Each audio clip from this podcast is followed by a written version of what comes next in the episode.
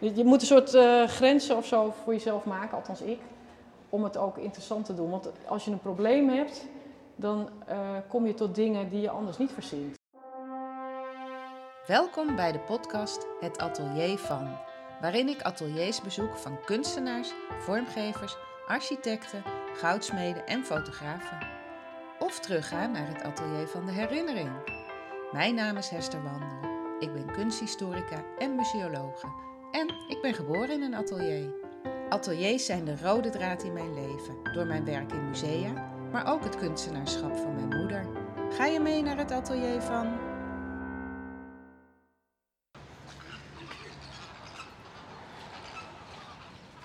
Vandaag ben ik in Artes. In Artes? Is dat een atelier? Ja, Artes is een atelier. Al heel lang zijn hier kunstenaars gekomen om te schilderen en te tekenen. Want hoe mooi is het om levende dieren te tekenen. En vooral dieren die je niet uh, dagelijks ziet, zoals de olifant. Rembrandt schilderde en tekende hem ook al.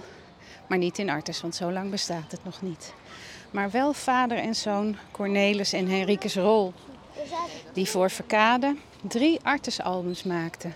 En zelfs in de kooien zaten op een ladder om de apen te tekenen. En dan gingen de aapjes aan de, aan de ladder uh, trekken. Ik zie hier ook het Verkadehuisje, wat uh, Verkade in uh, 1939 of was het 38 heeft neergezet. Waaruit de boeken werden verkocht. Maar nu ga ik voor iets heel anders. Ik ga naar Norma van der Horst. Zij is fotograaf en zij is vandaag hier aan het werk. En ze woont in Groningen. Ze zei, ja, ik heb eigenlijk niet echt een atelier. Nou, dat geloof ik natuurlijk niet. Maar ze was vandaag in Amsterdam om in Artes te fotograferen. Nou, dan is het voor mij wel heel handig om haar te bezoeken. En Norma ken ik eigenlijk al mijn hele leven. Mijn opa had vroeger eh, woonwagens in Zeeland. En daar uh, was een kinderkamp bij voor uh, Amsterdamse kinderen. Zo'n zomerkamp. En haar ouders hadden dat kamp, de Pinksterblom. Zij was dus dochter van de eigenaren. En ik speelde met haar in de vakanties. Er is een foto van dat ze zes en zeven of vijf en zes waren. En dropjes aten en hele vieze dropmonden hadden. Ze staat in mijn poesiealbum in 1975. En daarna heb ik haar eigenlijk nooit meer gezien. En op een gegeven moment vroeg ik me toch af, ja, waar, waar, zou zij zijn? Ik wist alleen dat ze Norma van der Horst heette en verder wist ik niks. En toen zag ik ineens uh, een filmpje van dat kamp, gemaakt door Mas van der Horst. En toen dacht ik, hey, zou dat familie zijn? En precies tien jaar geleden vond ik haar terug, heb ik haar benaderd via LinkedIn. En die foto met die dropmonden gestuurd en gevraagd, zijn wij dit? Nou, dat bleek dus zo. Nou, toen gingen we heel veel appen en uh, kijken of we gemeenschappelijke interesses hadden. Nou, die waren er heel veel. Fotografie, kunst, schelpen. En uh, zo hebben we afgelopen jaren contact gehouden. En uh, ik ben nu daar en ze is al bezig. Er is iemand van Artes die begeleidt haar. En we zijn in het trappenhuis van het grote museum. En Norma is aan het fotograferen. Nou, ik ga maar eens vragen hoe dat gaat. Op deze monumentale vlindertrap begint jouw tocht. Je brengt je eigen lichaam in als deelgenoot, niet als toeschouwer, zoals in het grote museum van 1855. Want de natuur, dat ben jij ook, net als al het andere dat leeft en sterft.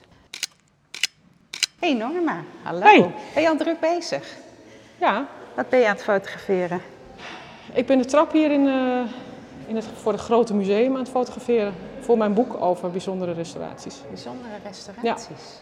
En, En- deze vier beelden zijn eh, voor mij heel interessant, want ze zien er nog heel oud uit. Zijn ze gerestaureerd? Nou, ze zijn, wat ik begrepen heb, vooral schoongemaakt. Eh, ze wilden ze nog in de staat laten waarin ze aangetroffen zijn. Ze zijn een tijd eh, opgeslagen geweest ergens hier in Artes. Volgens de restaurator moet het nog opgeknapt worden, maar misschien doen ze het wel helemaal niet.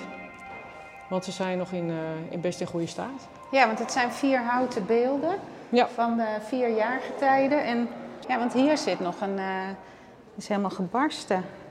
Nou ja, Nou ja, waarschijnlijk is, oude, eh, oude. 18, 1850, dus het is best eh, al oud. En jij hebt gesproken met de restaurator van dit hele trappenhuis. Nou ja, hij heeft het natuurlijk niet alleen gedaan. Het is, uh, Nico de Bond is een heel groot bedrijf dat veel restauraties, grote restauraties doet. En uh, zij hebben hier enorm veel gedaan. Uh, er is hier een hele kelderverdieping ondergekomen. In de trap hebben ze, want het is, nu zie je stuk, maar achter dat stuk is een, een hele metalen constructie geplaatst om de boel te verstevigen. En daar hebben ze nou ja, alles overheen weer teruggewerkt. En dat hout, die kant of die kant, dat weet ik nog niet zeker, maar een van de twee kanten is nog zoals hij was. En de andere kant is in de jaren 80 uh, weg geweest, want ze wilden een goederenlift bouwen. Ik geloof dat het gebouw wel sinds 1947 leeg stond. Maar af en toe hadden ze wel evenementen en dan wilden ze dus een catering naar boven toe uh, vervoeren. En daar hadden ze dus die goederenlift voor nodig. Nou, en toen hebben ze gewoon het, de trap maar gewoon even afgebroken gelukkig een heleboel stukken bewaard. Oh, dat is wel goed, Dus ja. uh, de meeste stukken, het was een hele puzzel, vertelde die restaurator ook, want die heeft het houtwerk allemaal gedaan. Um, hij moest dus alles weer in elkaar zetten en wat er ontbrak, dat moest hij zelf weer maken. Zoals wat ik begrepen heb, die hoek daar. De hoek dat, van de trap. dat is wel uh, iets wat, wat moeilijk om te maken is. Dat, doen ze, dat hout dat moet een draaiing krijgen en dat doen ze dan in een soort ja, stoom, stoomoven of zo, met, uh, met stoom, met hete stoom maken ja, ze dat het soepel wordt. om een mal heen en dan uh, krijgt het die vorm. Nou, en toen uiteindelijk alles in elkaar zat, toen, toen moest het natuurlijk ook dezelfde kleur krijgen. Dus ze hebben wel gezocht naar het hout dat er ook op leek. Het was niet ook het hout uit dezelfde tijd, wat je nog wel eens ziet met restauraties. Dat hebben ze niet gedaan. Dat is best moeilijk, het zullen grote stukken misschien zijn geweest ook. Nou ja, hele, hele, ja denk ik wel. Maar goed, ik weet niet, soms is dat ook uh, of niet te krijgen of te duur. Of er zijn allerlei redenen waarom ze dat wel of niet doen. Maar in dit geval hebben ze dat dus niet gedaan. Maar je ziet er niks van, want we weten helemaal niet welke nee, kant nou uh, origineel is en welke niet. Dus. Nee. En het is een trap die uh, aan beide kanten omhoog gaat. En ja. Het begint hier met een slangenkop, dat is de leuning. En die meandert zo omhoog over ja. hoeveel etages? Drie? Drie, hè, geloof ik. Ja. Ja, de kelder zit er nog onder. Maar goed, vanaf dit is eigenlijk de, de grond. Ja, want zo kwam je vanaf de plantage Middelaan het binnen. grote museum binnen. Ging Ja. met deze trappen naar boven. 1855. Ik heb een scriptie geschreven over een verzamelaarster, mevrouw Lopez Suasso. Die eh, trouwde in 1860, overleed in 1890. Die heeft hier waarschijnlijk gelopen. Dat vind ik zo'n Waarschijnlijk leuk wel. idee. Ja, waarschijnlijk wel. Maar het was En- natuurlijk heel eh, imposant, zo'n enorme Ja, trap. Want het was van hout. Niet, ja, het was ook niet eerst de bedoeling hè, dat het zo'n trap zou worden als dit. Nee? Dus eh, drie jaar nadat, ja, ze zijn natuurlijk jaren bezig geweest om dit gebouw neer te zetten, maar drie jaar nadat ze begonnen met de bouw, hadden ze besloten om dit, dit ronde stuk er gewoon aan te zetten en er zo'n wenteltrap in te maken. En ja, na het idee van alles moet met natuur te maken hebben en moet open zijn, want open is vrolijkheid, blijkbaar. Eh, zijn die stukken open gebleven en kan je ze dus vanaf daar kan je dus alles heel mooi Ja, eh, zien. en dat ga jij fotograferen. Want eh, wat Ja. voor een boek ben je aan het maken? Ik ben Kan je bezig. ondertussen doorgaan met fotograferen of hou ik je te Eh, veel op? Ja, kan wel als ik even bij Kan dat, je praten en losse, breien? bij dat losse hek weg ben. Want dat vind ik een beetje link. Ja. Ik ga even naar het volgende beeld toe, want ik wil die beelden gewoon sowieso erbij hebben, want die zijn prachtig. Ik ben dus een boek begonnen over bijzondere restauraties in de tijd van eh, ja, toen corona begon. Omdat de opdrachten natuurlijk ook eh, steeds minder werden en ik bezig wilde blijven. En ik had net mijn tweede boek over de Amsterdamse school in Groningen klaar. En daarin had ik kennis gemaakt met iemand die eh, kleuronderzoek had gedaan in een van de gebouwen waar ik ging fotograferen. En die had allemaal van die interessante kleurtrapjes gemaakt en zo. Dus daar raakte ik mee in gesprek. En die, eh, ja, die heeft me een beetje warm gemaakt voor eh, het restaureren eigenlijk. Ik hou heel erg van oude gebouwen, heb ik altijd gehad. Ja, Maar want je hebt dus ik, twee boeken over Ja, de Amsterdamse school na gemaakt. Amsterdam is in Groningen de meeste Amsterdamse school te vinden. En ik heb eerst een boek gemaakt, althans de uitgever had mij gevraagd of ik dat wilde doen. eh, over de Amsterdamse school in de hele provincie. En omdat dat zo'n succes was, zei hij van nou dan gaan we er ook eentje doen, alleen van de stad. En daar zit heel veel verschil in, de stad en het platteland. Dat is echt heel leuk. Ja, die heb ik hiervoor gedaan. En dan is het, eh, ja, wat ga ik nu doen? En nu dacht ik, ik wil gewoon zelf weer een boek maken, omdat ik die andere ook had geschreven en vormgegeven. En Echt alles de- zelf, eh, alles ja. inhoud, alles zelf gedaan had. Dus ik had de vrijheid geroken en ja, die uitgever, die man is ook al op leeftijd, dus ik dacht, ik ga het nu zelf doen. En ik begon in Groningen, en, ehm, maar het, het werd steeds groter. Dus uiteindelijk ben ik nu eh, van Maastricht tot eh, Goes eh, bezig. Veel in Amsterdam natuurlijk, want er is hier nu momenteel ook veel. Er wordt hier nu veel gerestaureerd. Ja, veel. En in Groningen ook hoor. Dus daar heb ik ook wel veel van. Maar ja, bij sommige provincies moet je echt zoeken. En omdat ik een kaartje van Nederland erbij heb, dwing ik mezelf ook om te kijken van wat is er bijvoorbeeld in Brabant of wat is er in eh, Noord-Holland. Of nou ja, dat, dus, zodat je een beetje een vol kaartje krijgt, dat vind ik wel leuk. En nu is de restaurator al, al klaar, maar je komt ook wel eens op het werk. Heel vaak, ja. Ja. Nu zijn ze klaar omdat Artes wilde natuurlijk zijn geheim niet eh, prijsgeven toen ze hier bezig waren. Dus toen kon ik niet, eh, helaas niet erbij komen. Maar heel vaak ben ik van tevoren of gaandeweg. Voor mij is het het leukst om het halverwege te zien. Want dan zie je nog hoe het was. Ja. En, en je ziet wat er gebeurt en je ziet hoe het wordt. Dus dat, eh, Ook ja, een dat kleurentrapje eigenlijk. Ja, ja. En anders wordt het ook saai. Hè? Als je alles hetzelfde doet, een heel boek door, dan uh, dat is voor mij ook niet zo leuk om te maken. En ik denk ook niet zo leuk om te lezen. Dus ik hou een beetje van afwisseling. En op die manier heb ik het op kunnen lossen. Want ik heb een paar mooie restauraties, was ik dus te laat, kan je zeggen. Maar de restaurators uh, zijn allemaal heel uh, enthousiast en uh, meewerkend. En die hebben dan bijvoorbeeld een foto met hun telefoon gemaakt. Die mag ik dan gebruiken. Dus Oh op die ja, manier ze doen houden je dan op ook de hoogte. ja, en ze doen op die manier ook mee met, met het boek zelf. Dus dat vind ik ook heel erg leuk. Dus, netjes met een naam erbij komen zij er dan ook in te staan. Niet alleen met hun tekst, maar ook met een foto. En heb je al een idee wanneer dat boek klaar moet? Of? nou ja, ik, ik heb al heel veel. Ik denk dat ik op 80% zit. Oh. Misschien iets meer al.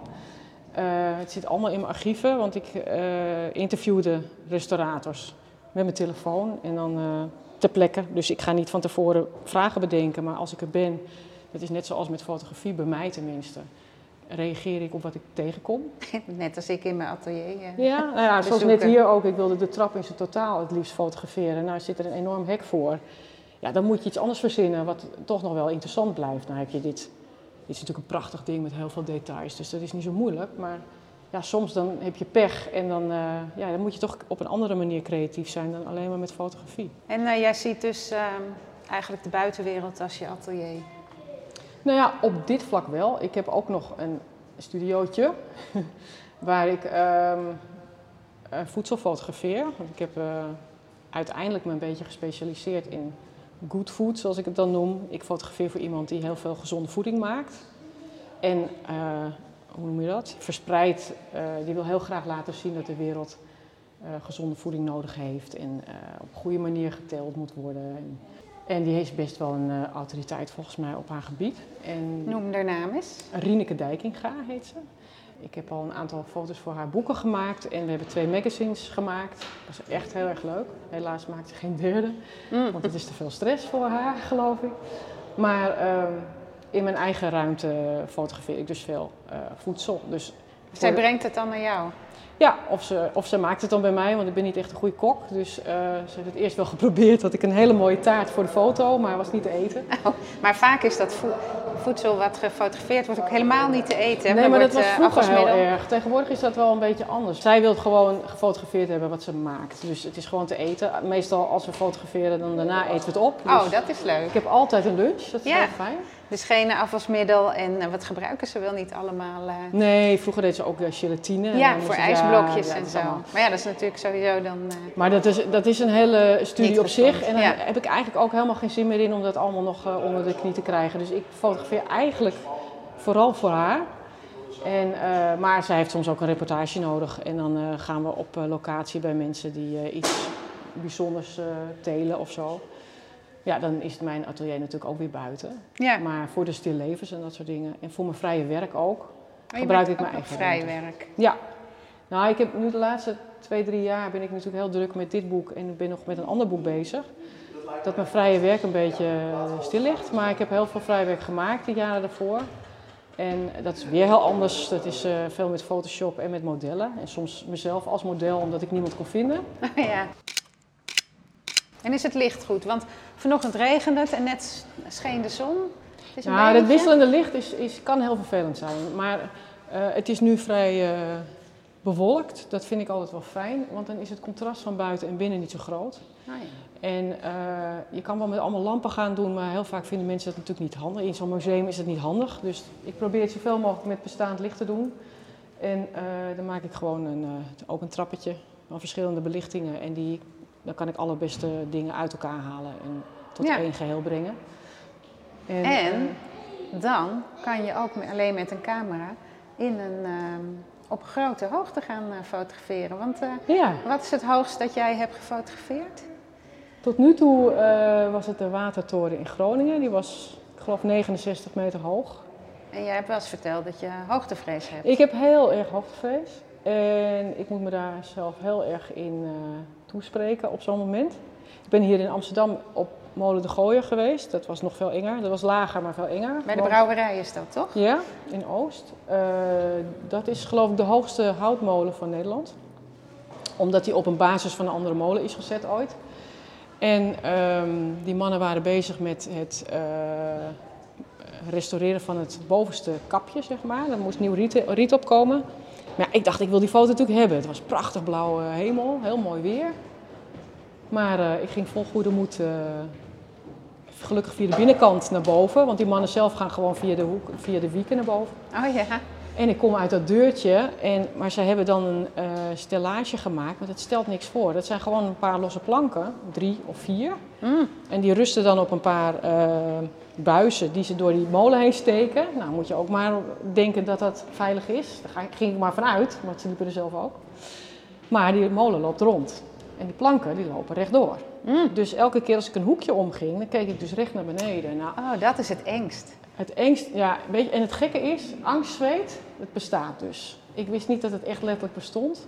Ik ben echt nog nooit zo bang geweest. Want op die stelling ging het nog redelijk. Heb ik nog goed vastgehouden en met één hand wat foto's gemaakt. Het statief had ik al beneden gelaten, want ik dat wordt helemaal niks. Gelukkig was het mooi weer, dus ik had genoeg licht. Maar ehm, toen ik zei tegen die eh, molenaar en tegen die restaurators dat ik eh, hoogtevrees had, moesten ze natuurlijk heel erg lachen. Oh, kom maar, dat kan je wel. Dus hebben ze zo'n heel klein trapje met twee haken. Die slaan ze dan door die muur heen, door het riet heen. En het zijn dan drie treetjes of zo, maar dat is helemaal bovenop. En eh, ik moest dus me daar optrekken. Ik kreeg een hand van een van hun en dan trok ik me erop. Nou, ik plakte me helemaal vast aan dat, aan dat riet, want ik durfde daar echt niet van los te komen. Ik was zo bang, echt. Maar aan de andere kant had ik weer een stem. Ik wil die foto maken, ik wil die foto maken. Want als die mensen zeggen, ja, maar die fotograaf die hier geweest is, die is niet zo hoog geweest. Dat is dan voor mij weer een aansporing om te denken, oh, dan ga ik wel hoger, want dan heb ik weer een andere foto. Dus dan- Ja, en je hebt een boek voor ogen, dus... eh, ja, en ik heb, als ik aan iets begin, heb ik ook meteen een beeld voor ogen. En heel vaak komt dat niet overeen, zoals nu bijvoorbeeld met dat hek. Maar soms wel. Dus dan denk ik, ja, ik wil die stad op de achtergrond erbij. En die wil ik zien. ja. Dus ik heb het gedaan, maar ik... eh, Ben je nu van je hoogtevrees af? nee, Oh, dat is het rare. Want ik dacht, als ik dit nou gedaan heb, durf ik de rest ook. Maar zo werkt dat niet. Want toen ik in die watermolen zat, ging ik met zo'n... Of ik zat niet in die molen, ik zat in een bakje, in een kraan omhoog.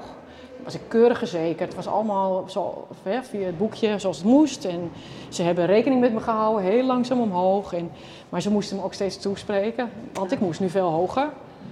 Uiteindelijk vond ik dat minder eng. En toen dacht ik, ja, het is wel beter, maar ik durfde niet naar beneden te kijken, want dan moet, dan moet je gewoon op de grond gaan zitten en dan eh, ja, dan Met wil je liggen, hè? en ja, liggen dus- of springen willen ja, mensen ook wel springen. eens. Ja, dat Als ze hoogtevrees Maar het gek is, vroeger had ik helemaal geen hoogtevrees. Het is gewoon, ja, naarmate ik ouder word, lijkt het wel steeds erger. Oh. Wat natuurlijk niet handig is als ik eh, monumenten wil fotograferen. Nee, je daagt jezelf wel uit, zeg. Dus eh, ja, maar dat komt gewoon, je wil, eh, je wil de goede foto maken. Ja. En eh, daar moet je dan een beetje moeite voor doen. Ga, loop maar door, hoor. Ja, ik moet even kijken. Oh, Nou, dan gaat de dat is beneden, denk ik. ja, dat heb je met een atelier in de open lucht. hè? Ja, atelier in de open lucht. nou, Dan eh, komt iedereen het erbij. is hier nog wel redelijk rustig. En hoe heb je dat thuis? Je atelier of je, je werkplek? Nou ja, ik woon op het platteland. En eh, wij hebben een grote schuur waar vroeger vra- vrachtwagens in gestaan hebben en eh, waar nu onze paarden in staan, grotendeels. En een deel van die schuur is een ruimte waar ik dus eh, mijn foto's kan maken. En bewerken doe je ook daar? Nee, bewerken doe ik gewoon thuis. Binnen? Dus, maar dat, dat is gewoon, ja, Achter de computer? 10 meter, 10 meter dan ben ik bij de achterdeur. Nee, Ja, precies. Daarom thuis. zei je van mijn atelier is niet zo interessant, want het is toch alleen maar een computer. Ja, het meeste wel. Eh, Tenzij ik dus inderdaad op locatie ben, dan is het wel interessant. Maar eh, mijn studio op zich, ja, met, ik vind het niet zo interessant om, eh, om te laten zien. Ik heb geen mooie galerij met foto's aan de muren hangen of zo. Het is gewoon heel functioneel, omdat ik het niet zo heel vaak gebruik. En ja, dus ik ben al zes jaar bezig om daar iets van te maken. Dus ik heb wel een betonnen vloertje gestort op één stuk waar een nieuwe muur moet komen. Maar ik heb gewoon geen tijd om het verder af te maken. Dus het is puur eh, functioneel. Ik hoop dat het nog wel een keer lukt om dat eh, af te maken. Ja, want je maar- wil natuurlijk al die restauraties volgen. Hoe- hoeveel wil je er uiteindelijk in je boek? Nou, het is niet zozeer een aantal. Het, het zou leuk zijn als ik op 100 uitkom, maar het zou best kunnen dat ik er zelfs overheen zit. Eh, het gaat mij erom dat ik zoveel mogelijk takken van sport, van restaureren, eh, behandel in mijn boek. Dus ehm, dat je, ik noem maar wat, plafonds kan je gestuukt hebben. Eh, je hebt zelfs blik. Eh, Blikken plafonds? Ja, blikplafonds. Oh, Eh, je hebt hout, je hebt, nou ja, je hebt allerlei materialen en er is natuurlijk ook bij elk materiaal weer een andere manier om dat te restaureren. En, er is niemand die, die alle vakken in één eh, vertegenwoordigt Nee, natuurlijk. nee, is echt materiaalkennis. eh. als je kijkt naar een project zoals dit, een restauratie als dit, daar, daar zijn zoveel verschillende mensen mee bezig. Dat is ook logisch, want iedereen heeft zijn specialisme. Ja, hier zit hout en metaal in. Ja, ja. Dus ehm, nee, ik, eh, ik heb geen idee nog hoeveel er zijn, maar het zijn er wel al heel veel. Omdat Ja. ik ja, door heel Nederland allerlei projecten zoek en vind die interessant zijn. Tenminste, die ik interessant vind. Dat, Dat is natuurlijk ook een beetje subjectief. Maar, Ja, jij maakt het boek, dus dat is niet zo ja, maar het is ook wel, daarom noem ik het ook bijzondere restauraties. Want je hebt natuurlijk heel veel verschillende dingen. Maar zo'n trap als dit, dat is echt wel een heel bijzonder project. En zo heb ik bijvoorbeeld de toren van Bolzwart. Die werd van het, eh, ook een heel oud gebouw trouwens, van het gemeentehuis afgehaald. Is naar Sneek op de boot gegaan. Oh. Daar hebben ze hem helemaal uit elkaar gehaald. Eh, echt tot de laatste spijker. Wat er nog goed was of wat ze nog konden gebruiken, weer erin. En wat vernieuwd moest worden, weer terug eh, aangevuld. En eh, toen ging hij op de boot weer terug richting Bolzwart. Dat is dus ook een hele, Ja, hele bijzondere... daar ben je eh, allemaal bij geweest. Ja, dan moest ik heel vroeg mijn bed uit toen ze hem weer terugkwamen brengen. Daar ben ik niet echt heel goed in, maar dat eh, is wel gelukt. Ook weer zo bijzonder. Nou, je Ja. daagt jezelf wel uit. En Ja. nou, ehm, doe maar weer even een, beeldje hoor, want anders houden we je heel Ja, nou, ik was eigenlijk met deze bezig. Ehm, die vier dames die zijn dus eh, vier jaargetijden. En dat kan je dus blijkbaar zien aan de attributen die ze hebben. Alleen ik vind ze attributen niet echt heel erg duidelijk. Dus ik, we moeten nog even uitzoeken wie wat voorstelt. Ik zie hier een sikkel en eh aren, granen. Dan zou je denken dat is de herfst. Ik zie hier een vlam. Zou je kunnen denken dat het het vuur van de zomer is, maar misschien ook wel het vuur wat je in de winter nodig hebt. Hier heb je een eh, krans met, ja, zouden dat uitgebloeide bloemen zijn? Ja, Of- ik, ik zie het er niet in hoor, maar Nee, maar dan heb je nog een keer de het herfst. prikkelt wel de fantasie. Ja, en hier fruit. Druiven, ja, dat is ook de herfst. Misschien Ja, is het allemaal de herfst, joh. Nee, ik weet wel. Dat, is ik echt heb het wel wel gelezen vier dat het wel vier verschillende jaargetijden zijn. Hey, en over uitdagingen gesproken. Ja. Ehm, we hebben net natuurlijk wel al even koffie, thee gedronken met een gebakje. En toen heb je mijn handen gefotografeerd terwijl ik eh, met een brosje bezig was. Want jij hebt jezelf uitgedaagd om 100 handen te fotograferen. Eh, ja, dat ik is... was aan de beurt bij de leeftijd 54, terwijl Ja. morgen 55 word. Maar die en- had ik al, dus dat kon niet. Nee, dat was je zelf Dat was ik zelf toen, ja. En eh, jij gaat dus een boek maken met 100 handen. En zijn dat allemaal mensen die iets, een, een vak uitoefenen? Of- Nee, eh, daar is het wel mee begonnen. Ik had een, een restaurator die glas en lood restaureerde. Daar was ik op bezoek geweest. En eh, nou, het was superleuk contact, want dat heb je heel vaak. Want die, het zijn gewoon hele leuke mensen ook allemaal. en ehm, die zeiden, goh, ik eh, heb een idee, misschien kunnen we iets samen doen. Want het is, eh, haar man, of haar vriend, is filosoof.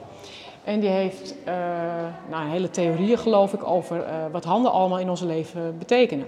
Dus daar zijn we wezen brainstormen. En toen kwamen we op het idee om een boek te maken met links de pagina van zijn tekst en rechts een foto eh, die daarmee te maken heeft, van handen. Maar ja, hoe doe je dat dan? Hoe begrens je dat dan? Dus uiteindelijk hebben we bedacht van 0 tot 100 jaar. Dus elke leeftijd willen we daarin hebben. En een aantal eh, handelingen, die willen we gewoon vast erin. Maar de rest vraag ik gewoon aan de mensen van, goh, wat, wat doe jij? Want ik, dat is ook weer zoiets dat ik mezelf dan opleg. Ik wil het niet te makkelijk maken, want kan iedereen dat doen. Dus ik wil de handeling die ik zie, moeten die mensen ook normaal ook eh, uitvoeren. Ja, want jij wilde mij eigenlijk met naad en, naald en draad, zoals mijn moeder. En toen dacht ik, ja, maar dat doe ik dus niet. Nee, dus ik heb helaas. zilver. Ja, maar Ja, dit was ook hartstikke leuk. Ja, nee, maar dit was ook heel leuk. Dus ja, bepaalde dingen hè, die heel bijzonder zijn, zoals braille lezen, dat, daar moet je echt iemand voor zoeken, vind ik, die Ja. braille leest. Of eh, handgebaren, of hoe noem je het, gebarentaal. Iemand die dus dat echt doet, omdat hij het Hoe anders heet niet hoort. van eh, bij corona? ja, Irma. Maar Irma. Irma. die is net zo oud geloof ik als ik, dus die viel af. Dat heb ik Oh, natuurlijk naar jammer. gekeken. En wij worden hier Ja. begeleid door Jentel. Hoe oud ben jij? 20. Heb je 20? 20. Volgens mij heb ik die niet. Ik heb nu mijn lijstje niet bij me. Want ik heb een hele lijst natuurlijk van 0 tot 100 en allemaal mensen ingevuld wie wat doet. Heb je 100 al? Nee, 100 heb ik ook nog niet. Maar wel 92 en 91 en 93. ouders? En, eh, mijn ouders en mijn tante natuurlijk. En, eh, En nul? eh, nul die, is er, die komt er nu aan, die wordt gemaakt. Dus Oh. eh, dat komt goed uit. ja, dus ik ga binnenkort naar een schooltje. Dus daar hebben ze ook weer een aantal kindertjes. Dus ja, je vraagt veel familie, vrienden. En, dus het is wel heel leuk. Maar het is heel veel geregeld natuurlijk. Ja. Want het is niet alleen dat je mensen moet vinden, maar je moet er ook heen. Dus dat kost ook allemaal tijd. Ja. En we hadden mijn eh, man en kind geregeld voor 17 en 52. Maar ja, Ja. toen kreeg je corona. Ja, ja dat heb je dan ook. Dan moet je weer andere dingen weer zoeken. Nou nee, dat moet gewoon op een andere, andere dag. Dat kan wel. Oh ja, want eh, Teun die is nog lang eh 17, dus die kan nog lekker gamen. Ja. Terwijl jij een foto maakt. Nou ja, het was eerst de bedoeling dat we in april dat het klaar zou zijn, maar dat ga ik helemaal niet redden. Dus toen zeiden we, nou, we kunnen het beter goed doen dan dat het afgeraffeld wordt. Dus, want ik wil die foto's ook een beetje bewerken natuurlijk. Het, Ja. het moeten eigenlijk een soort kunstwerkjes zijn die je los aan de muur zou kunnen hangen, bij Mm. wijze van spreken. Dus niet alleen maar een hand klaar, ik wil er ook iets meer mee doen.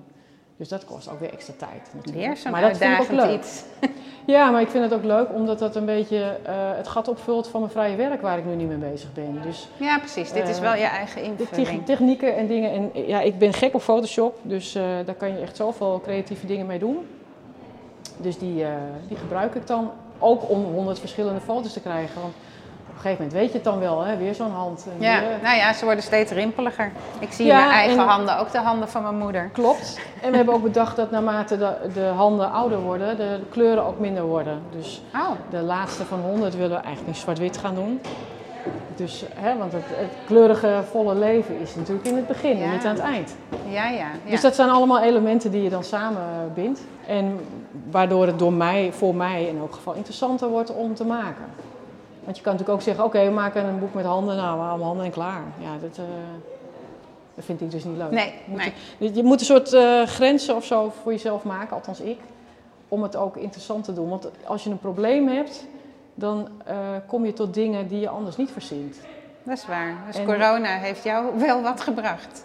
In die ja, zin. dat klinkt heel stom, maar dat heeft mij heel veel gebracht. Ja. Ik, ik kon heel veel doen en omdat ik nu heel veel in die oude gebouwen zit en restauraties zit, heb ik ook weer een heleboel andere opdrachtgevers erbij gekregen. Dus het heeft mij zeker eh, geholpen. Maar dat komt ook omdat je zelf dingen onderneemt. Ja, creatief En niet eh, gaat zitten wachten van nou, ik wacht wel tot het eh, klaar is en dan bouw ik het wel weer op. Nee, je moet bezig blijven en kijken waar zijn er nog mogelijkheden. En ja, dat hoeft niet meteen eh, commercieel gericht of eh, op opdrachten gericht te zijn, maar ook nou, je netwerk wordt groter. eh, Dus je leert weer andere mensen kennen, wat ik heel erg leuk vind. En je leert, ik leer heel veel hiervan. Want wat die mensen allemaal vertellen, dat is echt, ja, ik vind het heel interessant. Ja. Dus, En je kijkt nooit meer normaal eh, naar een pand. Nee, dat deed ik sowieso al niet. En sommige mensen klagen dan van... Als ik met jou door de stad loop, dan loop ik alleen maar omhoog te kijken. Want dan zeg ik, oh kijk, heb je dat gezien? Of zie je dat? Ja, ik vind dat prachtig. Ik vind al die oude details. Vroeger maakten ze zoveel mooiere gebouwen dan nu, vind ik. Ja, qua details zeker. ja, en er werd heel veel aandacht aan besteed. Moet je kijken, als je hier die trap ziet. Die, die leeuwenkopjes, die hebben ze dus weer opnieuw... Oh, Althans, ja, die hebben ze opnieuw gemaakt. want die waren allemaal gepikt. Ja. Die waren er allemaal af. En die hebben ze dus weer opnieuw teruggebracht. En hoe dat allemaal, dat smeedwerk, hoe dat allemaal gedaan is. Dat je zo'n leuning hebt van zo'n trap en dat het dan een slang is. Dat is toch prachtig? ja, zeker. Ik, vind dat, eh, ik ben daar heel gevoelig voor, voor dat soort details. Ja, die fotografeer ik dan ook graag. Ja, leuk. Ga nog maar even door, want Ja. Jentel staat ons hier te begeleiden. Ja, En die wil straks ook weer wat anders doen. De meeste tijd kost altijd alles precies recht te krijgen. Ja, En ik ben niet een heel eh, wiskundig type, ondanks dat mijn vader natuurschei- en wiskundeleraar was. oh ja. Dat heb ik helaas niet van hem. Ik ben heel slecht in rechte lijnen trekken en dat soort dingen. Dus ik ben altijd het langste bezig met alles netjes recht te zetten. Ja, het moet ook niet gaan vertekenen. Hé, nog even over dat kinderkamp, die Pinksterblom. Ja, Waarom deden jouw ouders dat eigenlijk? nou, omdat ze gek waren. Ze zaten Oh. het hele jaar met kinderen op school en dan vonden ze het leuk om ook nog de hele zomervakantie met kinderen bezig te zijn. Ja, waarom? Ze konden het overnemen van iemand en eh, het leek ze leuk. En ze hebben het, nou, 15 jaar gedaan of zo. Ah ja. Ja, Ja, die zomers die wij dan in- bij de wagens waren, want dat vond ik wel grappig. Jij had het ook over opa wandel, terwijl het Ja. mijn opa was. Ja. Nou ja, omdat mijn ouders hadden natuurlijk wel contact met jouw opa. Ja. Omdat ze hetzelfde terrein eh, deelden. Ja. Dus ja, ik wist niet anders dan dat het open wandel heette. En eh, dat hij s'morgen, ik was geloof ik in de tachtig, ging hij nog zwemmen in de zee elke Ja, dag. Dat vond ik- zeker. ja, dat vond ik zo bijzonder. En jullie hadden dan s'avonds, uh, hoe heet dat dansen? Kampvuur, Volksdansen. Ja, ik vond het helemaal niks hoor. Ik weet dat Hava Nagila Hava nog.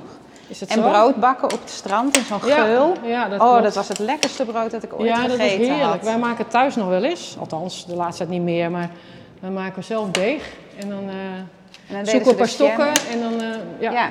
Een kuil in het zand en dan vuur maken en dan deeg op stokken en dan boven dat vuur. Nou, Ja. dat vond ik toch zo bijzonder. Ja, het was erg lekker altijd. Ja. Met warme chocolademelk. Hè? Nou ja, dat zal wel. Maar dat kamp, eh, ja, op zich. Ik moest natuurlijk in een tent. En ik ben een kind van, een, eh, van ouders in het onderwijs. Dus ja, autoriteit heb ik altijd een beetje moeite mee gehad. Dat had ik toen al. En toen moest ik ineens naar mensen gaan luisteren. Want ik moest gewoon in de tent bij de andere kinderen. Nou, dat Oh, daar ik, sliep jij al. ja, dat vond ik dus helemaal niet leuk natuurlijk. Want mijn ouders waren de baas en ik moest naar iemand anders luisteren. Dus ja, ik heb niet echt super warme herinneringen eraan hoor. Mijn zus wel. En er waren twee grote tenten, de Jozef en de Jozefina. Daar Ja. hadden de kinderen dan een, een kist of zo? Ja, iedereen had, eh, nam, ze, nam een kist mee waar zijn eh, kleding en, en nou ja, alles wat ze meenamen in zat. En die kist werd in de grote tent gezet. Inderdaad, de Josephine voor de meisjes en de Jozef voor de jongens. En eh, nou ja, daar kon je dus eh, omkleden. En je, als ik het bedenk, ze hebben- hadden geloof ik maar twee douches of zo. Dat was toen natuurlijk ook anders. Nou ja, wij hadden daar een eh, gat in de, in de Ja, dat bedoel ik. Je, je, ze waste Als zich af en toe... En er waren iets van wasbakken of zo, weet Ja, dat klopt. Hele lange wasbakken. Dus ze wasten zich aan de, aan de wasbakken. En nou, ik denk dat de, ze hadden natuurlijk leiding. Er kwam ook, elk jaar kwamen die mensen weer terug. En die eh, maakten misschien wel gebruik van de, van de douches. Maar dat weet ik eigenlijk niet, want er waren maar heel weinig. En er was een snoeptent, dat vonden wij dan natuurlijk wel weer Ja. interessant. Een Tuurlijk. winkeltje. Ja. En dan in het midden een hele grote eh, cirkel met tafels waar jullie dan ontbeten. Ja, en wij bekeken dat vanuit die wagens. Ik stond waarschijnlijk net als mijn zoon toen hij klein was in de observatiestand dat allemaal te bekijken. En dan werd ik waarschijnlijk geroepen van kom erbij. Ja. En wij zullen met elkaar gespeeld hebben en dropjes gegeten. Maar verder weet ik het ook niet zo eh, meer. Maar jij herinnert je je wel beter. Ja, en, en je hebt in mijn poesiealbum... eh, Heb ik er ook nog daar iets in geschreven? ja, en een paard getekend, want je was toen al een paardenmeisje. Ach, dat is toch wel lief eigenlijk. Oké, deze heb ik erop. Ik zit even te denken. Ehm, ik wil eventjes een wat creatievere hoek, dus ik ga er even een andere lens op zetten. Voor de luisteraars, haha. Anders krijg je zo'n stilte met niks, hè? Oh, dat knip ik eruit, maar dan Oh. eh, plak ik alles wat, voor, wat je interessant zegt, plak ik aan elkaar. Oh, oké. nou, ik wissel hem even om, want hier heb ik een wat... Hoeveel lens heb je? Oh, dit is eigenlijk je ateliertje. Je, Nou, nee, ik, eh, ik kies van tevoren eh, welke lens ik meeneem. Want ik, ja? Ik heb een hele goede rugzak en ik moet altijd heel veel lopen en doen. En ik wil niet alles meenemen. Dus, eh, en zeker niet als ik bijvoorbeeld op een steiger moet zijn, is die rugzak al te veel, is mijn statief al te veel. Dus ik heb het altijd bij me, maar het statief staat eigenlijk altijd beneden, want je hebt er geen ruimte voor. Nee. En vaak ook niet de tijd, want die mensen zijn altijd druk bezig. Dus ehm, ik kies eh, twee of drie, drie lenzen mee, dat ik denk, nou daar red ik me wel mee vandaag. En de rest laat ik thuis. Ja, wat ik ook nog bij me heb is een klein droontje. Maar Oh, die ja. eh, is een beetje lastig om hier te gebruiken zo. Maar die is, eh, ja, omdat hij zo klein is, is dat een heel fijn eh, dingetje. Hij heeft hele goede kwaliteit. En daar zit een camera in? Of Er zit een camera in, ja. Ideaal. Even kijken hoor. Even een interessante hoek zoeken. Misschien moeten we dat van boven naar beneden doen, of juist van beneden naar boven. dan zie je die draaiing van die trap. Dat is wel leuk. Je kijkt wel helemaal in een lamp dan. Ja, maar dat is niet zo erg. Dat werkt jij Maar wel ik denk weer weg. dat ik het meer van boven naar beneden doe. Dus ik neem even mijn spullen mee naar boven. Ja. Even- Leuk om eens even een kunstenaar aan het werk te zien. Ja. ja, je zegt kunstenaar, ja. Ik probeer, eh, soms denk ik ook wel, ik ben misschien meer een ik kunstenaar dan een fotograaf. Nee hoor, dan val je achterover, hij is nogal zwaar. Vooral omdat ik, eh, Wat ben je meer? Nou ja, ik, ik ben misschien ook meer kunstenaar dan fotograaf, denk ik soms wel eens. Want ik vind het het leukst om beelden, om meer met beelden te doen dan alleen maar de foto te maken. En ik, eh, weet je, Te registreren bewerken. te bewerken en, en ook de hoeken te zoeken die even anders zijn. En niet alleen maar registreren, wat, wat je ook natuurlijk veel ziet. En ja, dat vind ik een beetje saai. Dus ik, kijk, ik zoek vooral in lijnen, vormen. Pff, die trap was ook... eh, Een rottrap eigenlijk. Nee, maar zoals je hier naar die leuning ziet, hè, hoe dat mooi eh, beweegt en dan die, die treden die de hoek omgaan. Dat vind ik heel mooi. Ja, dat is zeker mooi. En dan zoek ik precies een plek waarbij dingen wel overlappen of juist niet overlappen. Dus dan ben ik eerst altijd even aan het kijken. En de pest is dan altijd, dan heb ik iets gevonden, heb ik gefotografeerd en dan loop ik drie stappen verder en denk ik, oh deze is eigenlijk mooier. En dan ben ik daar weer het hier bezig. Dus ik waarschuw mensen ook heel vaak van tevoren van, ik ben niet binnen een half uur weg of zo hoor. Nee, dat is meestal wel goed. Maar...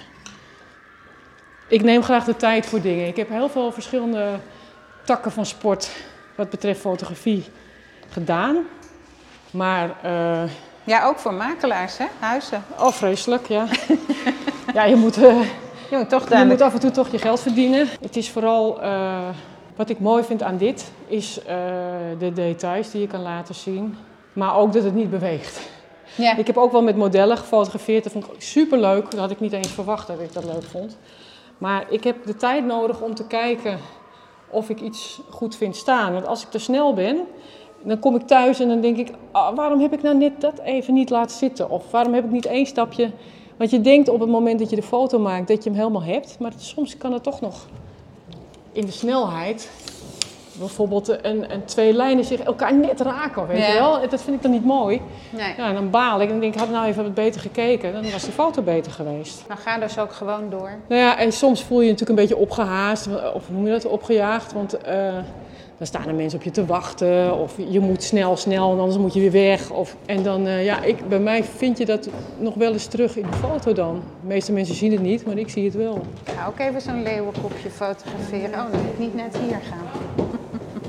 Die zitten precies aan de buitenkant. Oh, wat je hier ook ziet, zijn de plekken die zijn eh, wit gelaten aan de muur waar de koppen van de dieren hebben gehangen. Oh ja, Dat hebben leuk, ze bewust opengelaten. Ja, ik vond het wel ontzettend leuk dat dit weer gerestaureerd werd. Want dat is toch echt zoals een museum er vroeger uitzag. Heeft Ja. die restaurator ook aan de, aan de vitrines gewerkt? Ja, eh, hij heeft eh, zo'n 400, eh, ja, wat zijn het, deurtjes, vensters van die vitrines heeft hij ook gerestaureerd. Ze hebben niet veel aan gedaan, want ze wilden ook dat zo origineel mogelijk houden.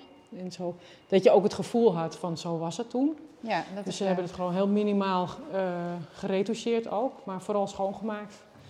Eh, deze trap ook, want die was heel erg vies. Dus die hebben ze geloof ik met allerlei borstels helemaal gepoetst. En toen kwam het, eh, het mooie hout weer tevoorschijn. Ja, je voelt je echt weer even terug in de Ja, 19e mooi, hè? Ja, Alleen moet je dan nog zo'n jurk hebben en zo. met grote schapenboutmouwen. Nou, deze begint er wel een beetje op te lijken. Moet ik een foto van jou maken dat je op de trap staat voor je podcast? Ja. is misschien wel leuk. Dat is goed. Nou, dan moet je daar gaan staan. Oh, nu? Ja, nu, want nu sta ik hier toch. Ik moet even mijn instellingen veranderen. Want jij beweegt. Waar? Oh, je kan heel goed stilstaan, zie ik al. We maken natuurlijk verschillende foto's en die komen natuurlijk niet allemaal in boek. Maar ik heb liever dat ik er iets te veel maak en wat moet selecteren, dan dat ik thuis denk, hé, waarom heb ik er nou niet wat meer gemaakt? Ja. En zo vaak heb je niet de kans om dit te doen, hè? Dus. Nee, je moet ook nog oppassen dat er geen uitbordjes in de weg zitten. Nou, dat doe ik wel en dat, daarom ben ik ook blij met Photoshop. Dat soort dingen haal ik gewoon weg. Dat vind ik heel storend. Dus eh, soms heb je op een gebouw eh, vogelpoep zitten of verfspatten, dat soort dingen. En dat leidt je oog heel erg af. Dus die werk ik wel weg. En eh, ik vind ook gewoon dat dat kan. Want dan is je oog veel meer geneigd om te kijken naar waar het naar moet kijken. In Ja. plaats van dat je afgeleid wordt door allemaal elementjes die er niet horen. En het is niet de bedoeling dat het helemaal strak en nieuw wordt. Maar En jij hebt op welke opleiding heb jij hiervoor gedaan? ik heb eh, de KABK in Den Haag gedaan. Dus dat is een kunstacademie. Maar wel de afdeling fotografie. In die tijd had je nog geen eh, academie van fotografie in Amsterdam. Dus ik moest eh, helemaal naar Den Haag elke dag. En dat was een hele leuke opleiding, moet ik eigenlijk zeggen. Mijn vader die filmde vroeger heel veel. En ik heb dus daarvoor... Ik wilde eigenlijk cameravrouw worden. Oh, Maar dan moet je met een heel team werken. En dat vind ik op zich wel prima, met een team werken. Maar niet eh, als het allemaal mensen zijn die allemaal op de voorgrond willen. En die jou gaan vertellen wat jij moet doen, terwijl zij iets heel anders doen. oh ja, dat was dat. eh, En dat merkte ik al op de academie. En toen dacht ik, dit is niet mijn wereld. Dus ik ga lekker weer alleen werken. En ik heb er ook geen seconde spijt van gehad. Maar ja, dat was superleuk, joh, de filmacademie in Amsterdam. Dat was heel leuk. Daar Maar- ben je toch uiteindelijk ook nog geweest? Daar heb ik eh, twee jaar, eh, dus de propenduizen periode, heb ik daar wel afgemaakt. En toen kregen we ook veel fotoopdrachten en zo. En toen dacht ik, ja, maar dat vind ik eigenlijk veel leuker.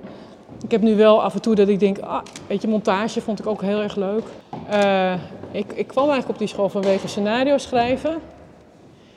Want dat vond ik heel leuk. Vind ik nog steeds heel leuk. En, maar je moest, als je scenario nam als... als vak, dan moest je ook regisseren. Nou, dat vond ik echt helemaal niks. Dan moest ik allerlei mensen gaan zeggen, jij moet dit, jij moet... Oh, nee, dat vond ik helemaal niks. Dus toen dacht ik, nee, ik moet weer terug naar de fotoacademie, vragen of ik nog eh, mag komen. Moest ik weer toelatingsexamen doen, terwijl het Oh, ja? aangenomen was de eerste keer. Dat vond ik ook een beetje onzin, maar goed. En toen eh, heb ik dat gedaan. En eh, ja, ik had een vriend die zat in de DTP, dus die werkte bij een bedrijf waar ze in de jaren negentig al heel veel bezig waren met Photoshop. Dus vanaf het begin eh, ben ik via hem daarmee bezig geweest. En ik vond het meteen heel erg leuk, want het geeft je heel erg veel mogelijkheden. Ik zie een, eh, een foto die je maakt eigenlijk als een soort negatief. Het is een half product. En je kan wel met Lightroom een hoop doen. Maar de dingen die ik wil doen, daar heb je echt Photoshop voor nodig.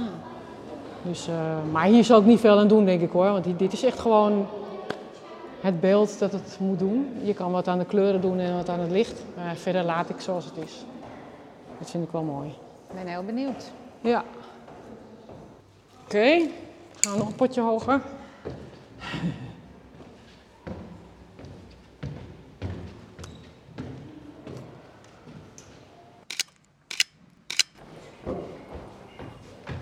Even de assistenten spelen en de leesbril brengen. Heel schattig klein trapje. Afgebladderde muren. En dan kom je in een ronding. Oh, het is een stuk warmer boven, hè? Ja, alle En weer gaat hele andere akoestiek. Ja, dankjewel.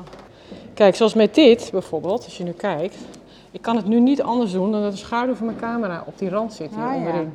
En dat werk Ja, je dan, dan dan denk ik, weet ik, nou ja, weet je, ik heb dan die foto verder wel zoals ik hem wil. Dan shop ik dat gewoon weg. Ja, nou je zal niet de enige zijn die Photoshop, toch? Het is er Ja, niet ik, er, is, er is ook niks mis mee. Ik begrijp Nee. de hele discussie ook niet. Want Oh, is er een discussie? Nou ja, kijk, als je journalist bent, dan vind ik het een ander verhaal.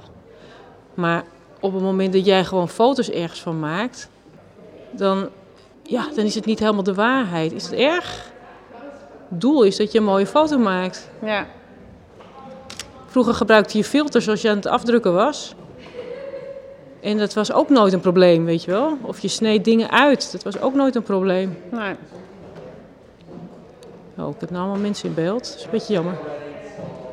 Loop even door, alsjeblieft. Dit hou ik natuurlijk niet lang vol, hè? En om nou, alle hele mensen eruit te shoppen, nee. dat is me een beetje te veel werk. Ben je klaar? Ja, ik denk dat ik alleen nog even zo'n leeuwenkopje erop moet zetten, want ik ga die Smit ook nog eh, Oh ja. interviewen als ik die kan achterhalen. Wat ik wel denk. Als hij mee wil merken, wat ik wel denk. Dus dan heb ik die, dat detail ook en dan, eh, dan ben je weer van ons af. eh Jentel. Ben je nu klaar? Ik ben nooit klaar.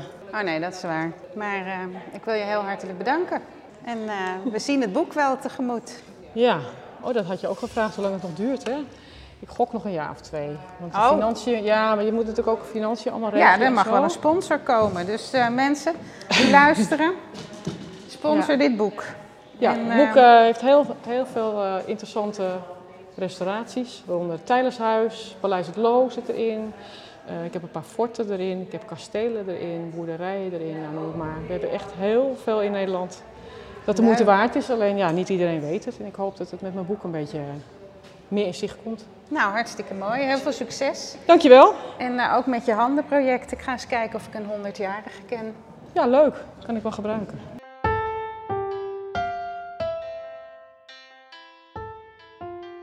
Dat was weer een fijn bezoek in het atelier. Krijg je er ook zo'n zin van om zelf aan het werk te gaan?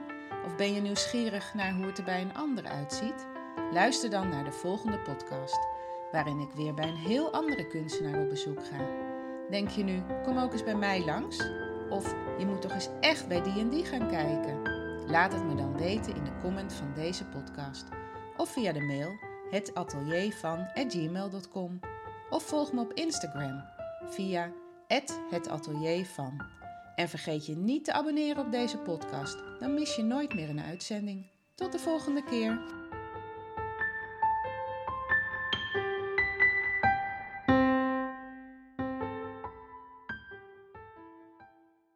Luister je graag naar deze podcast? Laat de maker weten dat je waardeert wat hij of zij doet en geef een digitale fooi. Dat kan zonder abonnement, snel en simpel via fooiepot.com. Fooiepot met een d.com